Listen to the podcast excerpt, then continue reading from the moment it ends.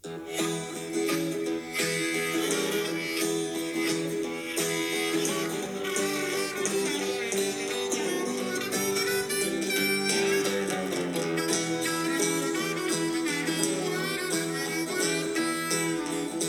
es pot sortir sense resar. Una anomena Sant Urbà. On és el seny i la moral s'ha perdut tot lo primordial. Nostre Senyor d'Oriol... Puta nit i bona TV3. Reivindiquem la lliga del bon mot i eliminem el cony collons refot. El cap de cony, el cap cigrany, el putiner, el malabarany, el drop porruc, bèstia animal, entre cometes, carcamal. No han calgut més de 50 programes, 50 nits, perquè el Late Night Zona Franca de TV3 estigués a l'ull de l'huracà polític.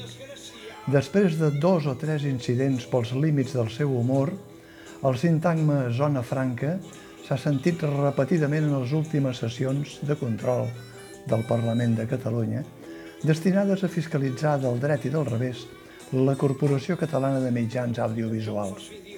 Sobretot des de les preguntes dirigides pels portaveus de Vox, Ciudadanos, respectem el seu nom en la llengua que els agrada, ja que sempre parlen en espanyol al Parlament, PP, i de tant en tant també el PSC. Tots, com es veu, partits nacionalistes o ultranacionalistes espanyols que tenen el dit posat a l'ull de la televisió catalana, ja sigui sobre el Polònia o sobre qualsevol altre programa més o menys irreverent que traspassi els límits que ells s'han marcat, ni que, per sota, es morin de ganes d'aparèixer-hi o veure-s'hi esmentats. L'últim escàndol a TV3 ha estat el de l'expulsió de l'equip de Zona Franca de l'humorista i col·laborador Manel Vidal per un gag que relacionava el PSC amb una esbàstica arran dels pressupostos catalans. Un mem que podria semblar el del laberint d'Horta, per exemple, tenint en compte que l'humorista en cap moment va fer referència al nazisme. Com que ja hi ha posat prou cullerada a tothom, i alguns articulistes que s'havien desfet en elogis cap a Zona Franca ara li giren l'esquena, no és d'aquesta expulsió del que voldria cafetar, sinó del que hi ha al darrere d'aquesta dràstica mesura presa per la direcció de TV3, d'acord amb la productora del programa, per cert, una decisió rebutjada de ple pel comitè professional de TV3 en un comunicat. El més curiós de tot, de tot el que ha justificat la direcció en seu parlamentària, és que es digui que a TV3 no hi ha censura, sinó responsabilitat. Home, es pot anomenar com es vulgui, però si els pitjors censors que ha tingut el regne aixequessin el cap, segurament que també dirien que no censuraven, sinó que vetllaven per la responsabilitat, la del règim establert, és clar. El cas és que, arran d'aquest incident, s'ha fet públic el que potser és una estranya norma en temps de llibertat d'expressió, que el guió i el contingut del programa Zona Franca passa cada dia per una revisió prèvia de TV3 abans d'enregistrar-se, perquè ara ja se sap que és un fals directe elaborat unes hores abans, per controlar tot el que després sortirà a la pantalla. S'entén que la direcció actual de TV3 pertany a una nova generació que sovint és la de l'oblit i la desmemòria. No en tenen cap culpa. Els que hem passat i patit d'una manera o altra l'autèntica censura, sabem que aquestes supervisions són sempre un control polític. Fa més de 50 anys, entre el 1968 i el 1969, quan jo mateix, m'autocafeto i me n'excuso, presentava un programa radiofònic en directe de cara al públic i en català, el règim franquista va decretar l'estat d'excepció al gener del 1969 i les autoritats pertinents de la dictadura, que començava a fer aigües, van obligar a revisar anticipadament els guions o els continguts musicals de tots els programes radiofònics. Una mesura que es feia impossible de complir en un programa en directe rigorós, en públic i amb una part considerable d'improvisació al marge del guió. No cal dir que vam decidir que el programa tancaria el micro i el vam tancar, entre altres coses perquè era inadmissible admetre un control polític d'aquella mena en un magazín cultural on, evidentment, actuava gent jove de la cançó del moment, de les arts o la de les lletres, que es movien encara en la semiclandestinitat. Em temo que els que van imposar aquell estat d'excepció radiofònic potser no en deien tampoc censura i ho titllaven segurament de responsabilitat. De responsabilitat, és clar per mantenir encara viu el sistema de la dictadura al qual s'aferraven com un clau roent. Per això, quan ara s'escolta justificar accions com la que ha afectat l'humorista Manel Vidal, fa una certa angúnia que ni amb més de 50 anys ni amb una presumpta llibertat d'expressió, segons quins mètodes, no canviïn mai del color de la camisa. No és l'únic incident d'aquests últims dies a TV3. En el programa de tarda planta baixa, un desafortunat error tècnic va il·lustrar musicalment la imatge del president Carles Puigdemont amb una cançó amb una lletra ofensiva, Rata de dos patas, de Paquita de la del barrio. Que el Déu de la música els perdoni pel mal gust. El rebombori tampoc no es va fer esperar. La direcció de TV3 i la del programa van justificar aleshores que havia estat un error tècnic involuntari per culpa del directe i la coordinació.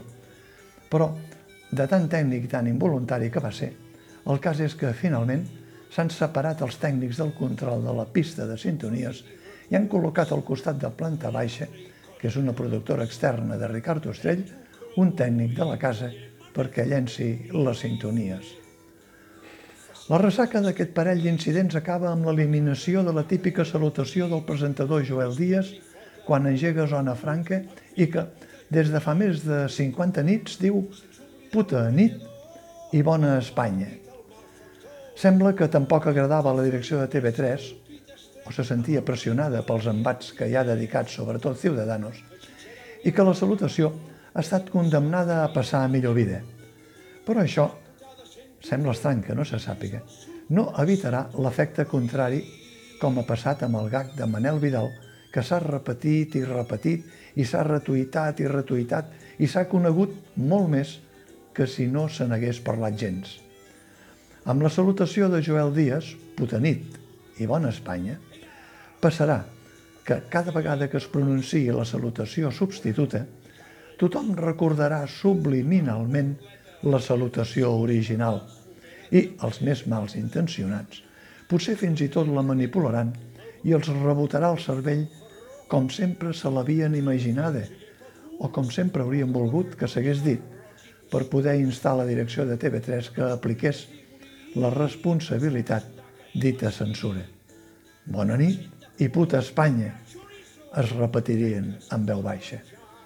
Que la sort els acompanyi i, per si de cas, recordem-ho, puta nit i bona TV3. Nostre senyor d'auriculars ja no fa jocs malabars. Reivindiquem la lliga del bon mot i eliminem el cony collon refot. Cap de cony, el capsigrany, el putin, el malabarany, el drop porruc, bèstia animal, entre cometes, carcamal, l'estúpid brètol i gandul i el més de prendre per al cul, el ximpletó rostectarat, morritolós i desgraciat.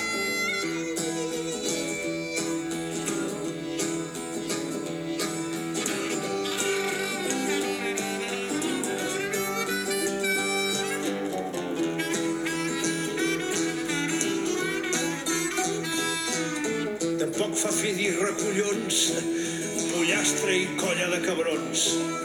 Careto, cromo i gruller, maneflacuc i botifler. Fascinerós i escanyolit, macarra, tomàquet i bandit. Crispa, grifota o bé banyut, amb fill de puta i orellut.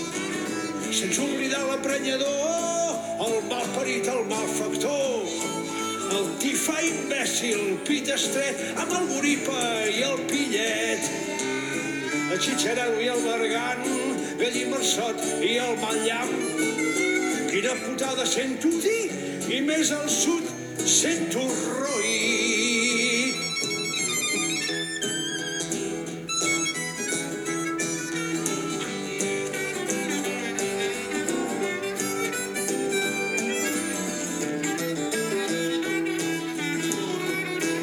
Vinga! Patata, figa i perrús, morata i cara de lluç. Mamau, burleta, llefiscos, pardal, somera, també gos. Amb l'hospedre i el cagalló, el brut barrut i fanfarró. Els llepafils i llepaculs, poca vergonya, roig insults. Petós, borilla, figurí, pesat, sudaca i mesquí.